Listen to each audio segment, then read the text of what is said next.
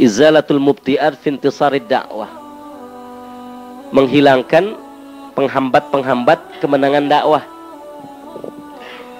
Jadi ada upaya kita melenyapkan dalam diri kita, pribadi dan kolektif. Kita harus hilangkan segala mubti'at, pelambat-pelambat. Faktor-faktor yang melambatkan intisari dakwah, kemenangan dakwah. Semua penunda ya. Menghilangkan, melenyapkan semua penunda kemenangan dakwah. Apa sih yang menunda kemenangan dakwah? Nah, di sini ada tiga aspek. Pertama, aspek maknawi, moral, aspek eh, kejiwaan, aspek mental dan moral, mentalitas.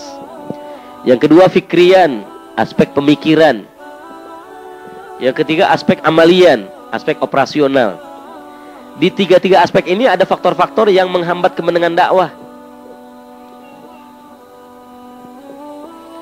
Yang maknawiyan di antaranya dha'fus silah billah. Penghambat penunda kemenangan dakwah itu dakwah dari terhambat terus menangnya lantaran lemah dalam berhubungan kepada Allah. Dha'fus silah billah. Jangan sampai kita membenarkan orang yang anti berpartai itu gara-gara partai orang sudah nggak maksurat lagi tuh. Orang nggak berdoa lagi, nggak tilawah lagi. Padahal yang nggak tilawah siapa? Mungkin dia sendiri kali. Kita buktikan bahwa pandang itu salah Sampai terbukti memang bahwa kerjaan kita ini memang sudah menghilangkan bermacam aspek ibadah. Kedua, kilatul ikhlas. Kurang ikhlas dalam beramal. Ciri kurang ikhlas bagaimana? Kalau dipuji rajin, kalau nggak dipuji, nah, rajin. Ciri lain apa? Kalau ada insentif datang, kalau nggak, enggak. Nah, insya Allah nggak ada yang begitu. Kalau dicela, marah. Padahal kritik itu menyuburkan. Ya, kritik itu menyuburkan amal kita sebagaimana daun kering menyuburkan tanah di bawahnya. Rawasibul jahiliyah, sisa-sisa karat jahiliyah. Karat jahiliyah ini kan ada. Kalau kita tunda-tunda pembersihan diri kita, lama-lama karat itu membawa kita ke masa jahiliyah lagi. Nggak akan menang kita. Keempat, du'afu ruhit tahaddiyat. Lemah semangat kompetitif. Lemah semangat menantang bahaya yang tadi dibahas. Kelima, al-jaza' wakilatus sabar gelisah dan kurang sabar gampang resah gampang putus asa ya. yang fikrian lambat dalam mengantisipasi masalah ya uh, maaf albut ufi tahdil mawakif lambat dalam menentukan sikap ya ketinggalan terus gitu lambat menentukan sikap kalau begini harus bagaimana kalau Afghanistan dibom bagaimana? Nantilah tunggu-tunggu tiga bulan baru demo. Nah itu namanya al uh, lambat. Mengapa lambat? Kadang-kadang lambat disebabkan karena kurang informasi. Yang kedua, lambat kadang-kadang merasa dia sendiri udah tahu. Lalu orang lain dianggap sudah tahu, padahal belum.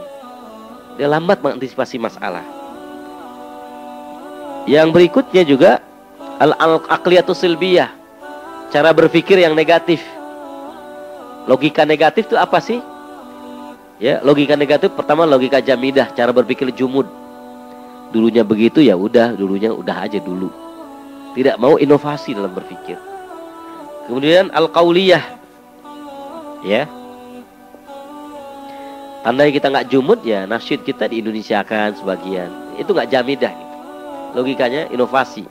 Karena masyarakat kita suka yang dia mengerti. Ada logika kauliyah dia kira telah menyelesaikan masalah, padahal masalah diselesaikan hanya dengan ngomong. Dakwah ada yang ngomongan masalah, ada yang memecahkan masalah. Hendaklah kita berdakwah itu menjadi problem solver, pemecah Kerja kita problem solving. Tapi sebagian orang asyik dengan ngomongin masalah. Jadi problem solver dia, eh, speaker. Membicarakan masalah. Banyak dai-dai yang yang sebut dai bagi dia tuh tablik saja. Yang begini ngomongin masalah. Kalau maksiat masih ada enak dia. Ada judi, nah judi ini judi, ada pelacuran dia. Begitu judi hapus, pelacuran hapus, bingung. Apalagi yang saya omongin. Nah ini namanya ciri orang yang tukang berbicara. Tapi kita tidak mencahkan masalah. Kalau kita hanya bicarakan masalah, memang sekarang zaman begini, zaman begini orang pada tidak mau mengerti materialistik hidup mereka. Tablik dari jauh orang ditembak sana. Orang itu tidak dengar omongan kita, tidak ada yang berubah. Kalau pecahkan masalah kita datang, kita dialog. Kalau kita cuma problem speaker, lama-lama kita menjadi problem maker. Bikin masalah aja kerja kita. Kalau sudah problem maker, akhirnya kita menjadi problem trader. Suka pedagang masalah.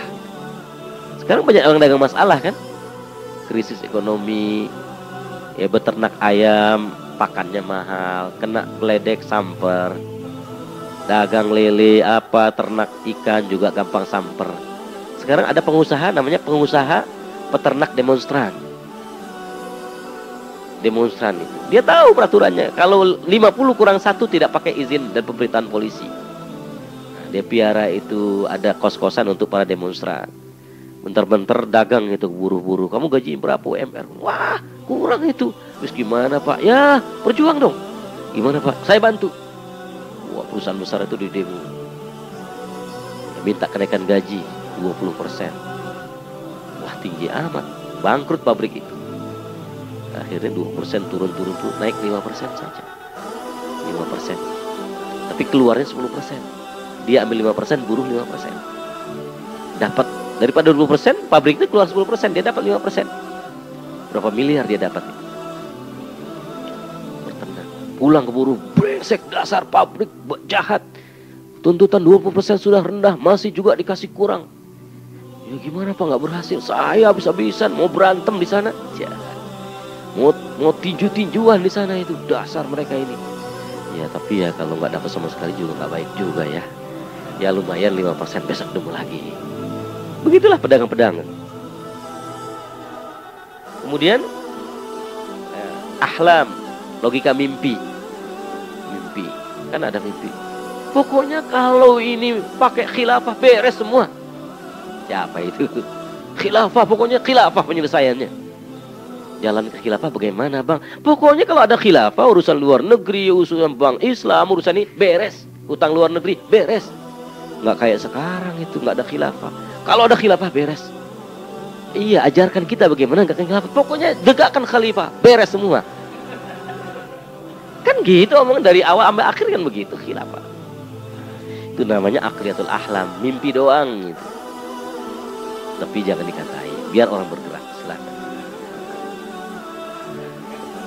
Ke tempat atas swift, logika taswif saufa nanti kalau ini nanti kalau ini begini pokoknya Nanti kalau lau lau lau lau pintu setan terbuka. Itu pemikiran yang yang seperti itu yang melambatkan kemenangan. Kemudian ada ada murabtil maldi bil hadir wa mustaqbal. Tidak mengikat masa lalu, masa hari ini dan esok. Banyak program itu nggak nyambung. Hari ini bikin program tidak dievaluasi yang kemarin selesai belum. Selesai hasilnya seperti apa? Kaget bikin program baru, belum selesai ganti program. Tidak ada sangkut pautnya program biaya keluar banyak, buah tidak jelas. Laporan 100% berjalan, berjalan 100%. Jalannya kayak apa, terseok atau lari, tidak jelas. Ini salah satu. Kemudian al-iqtirar bi akhta'il akharin, asyik terpesona melihat kesalahan-kesalahan orang lain dalam berdakwah. Kita nasihati orang tidak, membimbing mereka supaya betul dalam dakwah tidak. Ketawa, dasar, kasihan orang atau manhaj ya Tuh, makanya tuh lihat tuh, nggak tahu kaderisasi dia, nggak tahu manhaj, nggak kenal tarbiyah. Tuh lihat aja demo aja cuma berapa gelintir. Tawain saja orang. Ini membuat kita kalah terus. Kenapa? Sebab so, mereka itu juga akan ajarkan menjadi kantong pelawan-pelawan kita. Dibantu tidak, cuma dicemooh. Padahal kita harus menyantuni, membawa.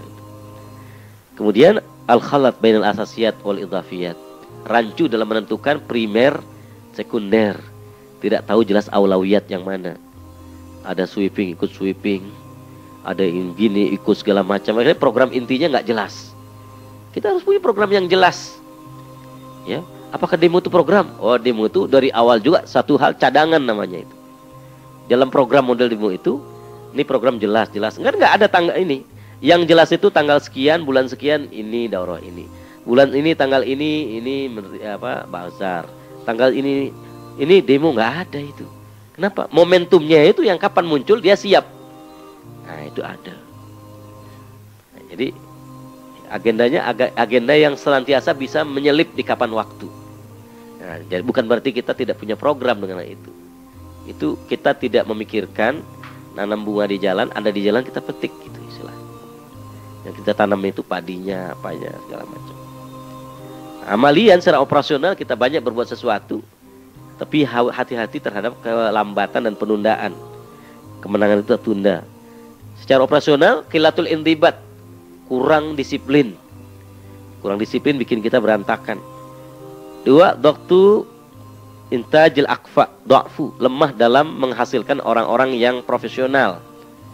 Ya kalau dulu orang serabutan, di mana saja awal membuat sesuatu serabutan, membangun republik ini serabutan. Ya. Ingat waktu awal orang bikin tentara apa? Gimana pangkat pangkat? Ya udah pakai aja. Maunya apa? Oh, saya mayor, pasang mayor. Ya lama-lama jadi jenderal juga itu. Pasang. Betul itu republik. Bedanya UGM dengan UI, UI itu Stovia Belanda yang bikin, UGM itu Republik yang bikin. Yang kuliah itu dari yang nggak sekolah sampai yang SMU sampai putus sekolah SMP, kuliah perjuangan. Jadi UGM Gajah Mada sekarang. Kita jangan lihat perfect yang jadi saja. Bagaimana proses awal? Tetapi kalau sudah jalan lama harus ada perhatian. Intajil ak, eh, apa? akfa. Orang-orang yang kafaahnya cukup, skillnya bagus. Dulu kuliah apa adanya mau mau angus diproteksi. Nah sekarang sudah apa? Udah S2, S1 misalnya. Kalau gerilya dulu kan enggak, gerilya saja. Su'u tauzib wa tauzi. Ya, salah dalam hal job deskripsi. Lemah dalam job, job deskripsi dan penyebaran tugas. Ini bisa menunda kemenangan. Ada mutansikil baromi tidak sinkron antar program ya ini jalan ini jalan nggak jelas apa maunya kader ini akhirnya menjadi muatan apa masukkan barang ini oncom tahu jambu jeruk tomat jadikan satu digiling jus apa ini jus jadi-jadian itu jadi tansik baramit kemudian ada mutakmi kita takhas sesuatu tidak ada pendalaman spesialisasi kalau akfa tadi orang-orang yang mumpuni pakar jadi kalau kader sudah tiga tahun empat tahun ini dia harus mempunyai track record yang memungkinkan dia duduk dalam posisi tertentu. Nah dalam soal takhasusat, spesialisasi makin diperdalam. Sebab perjuangan di masa depan adalah perjuangan antar spesialisasi. Mendalam. Karena jumlah SDM makin banyak, persaingan makin ketat, yang laku itu yang mendalam ilmunya. Di kota macam Jakarta, hari-hari ini sudah mulai dokter umum nggak laku. Dokter umum pindah aja ke daerah. Kenapa? Orang begitu lintasan pernah sakit langsungnya spesialis ini, ini, ini. Kenapa? Karena memang sudah cukup SDM. Nah, demikian uh, lintasan kita. Assalamualaikum.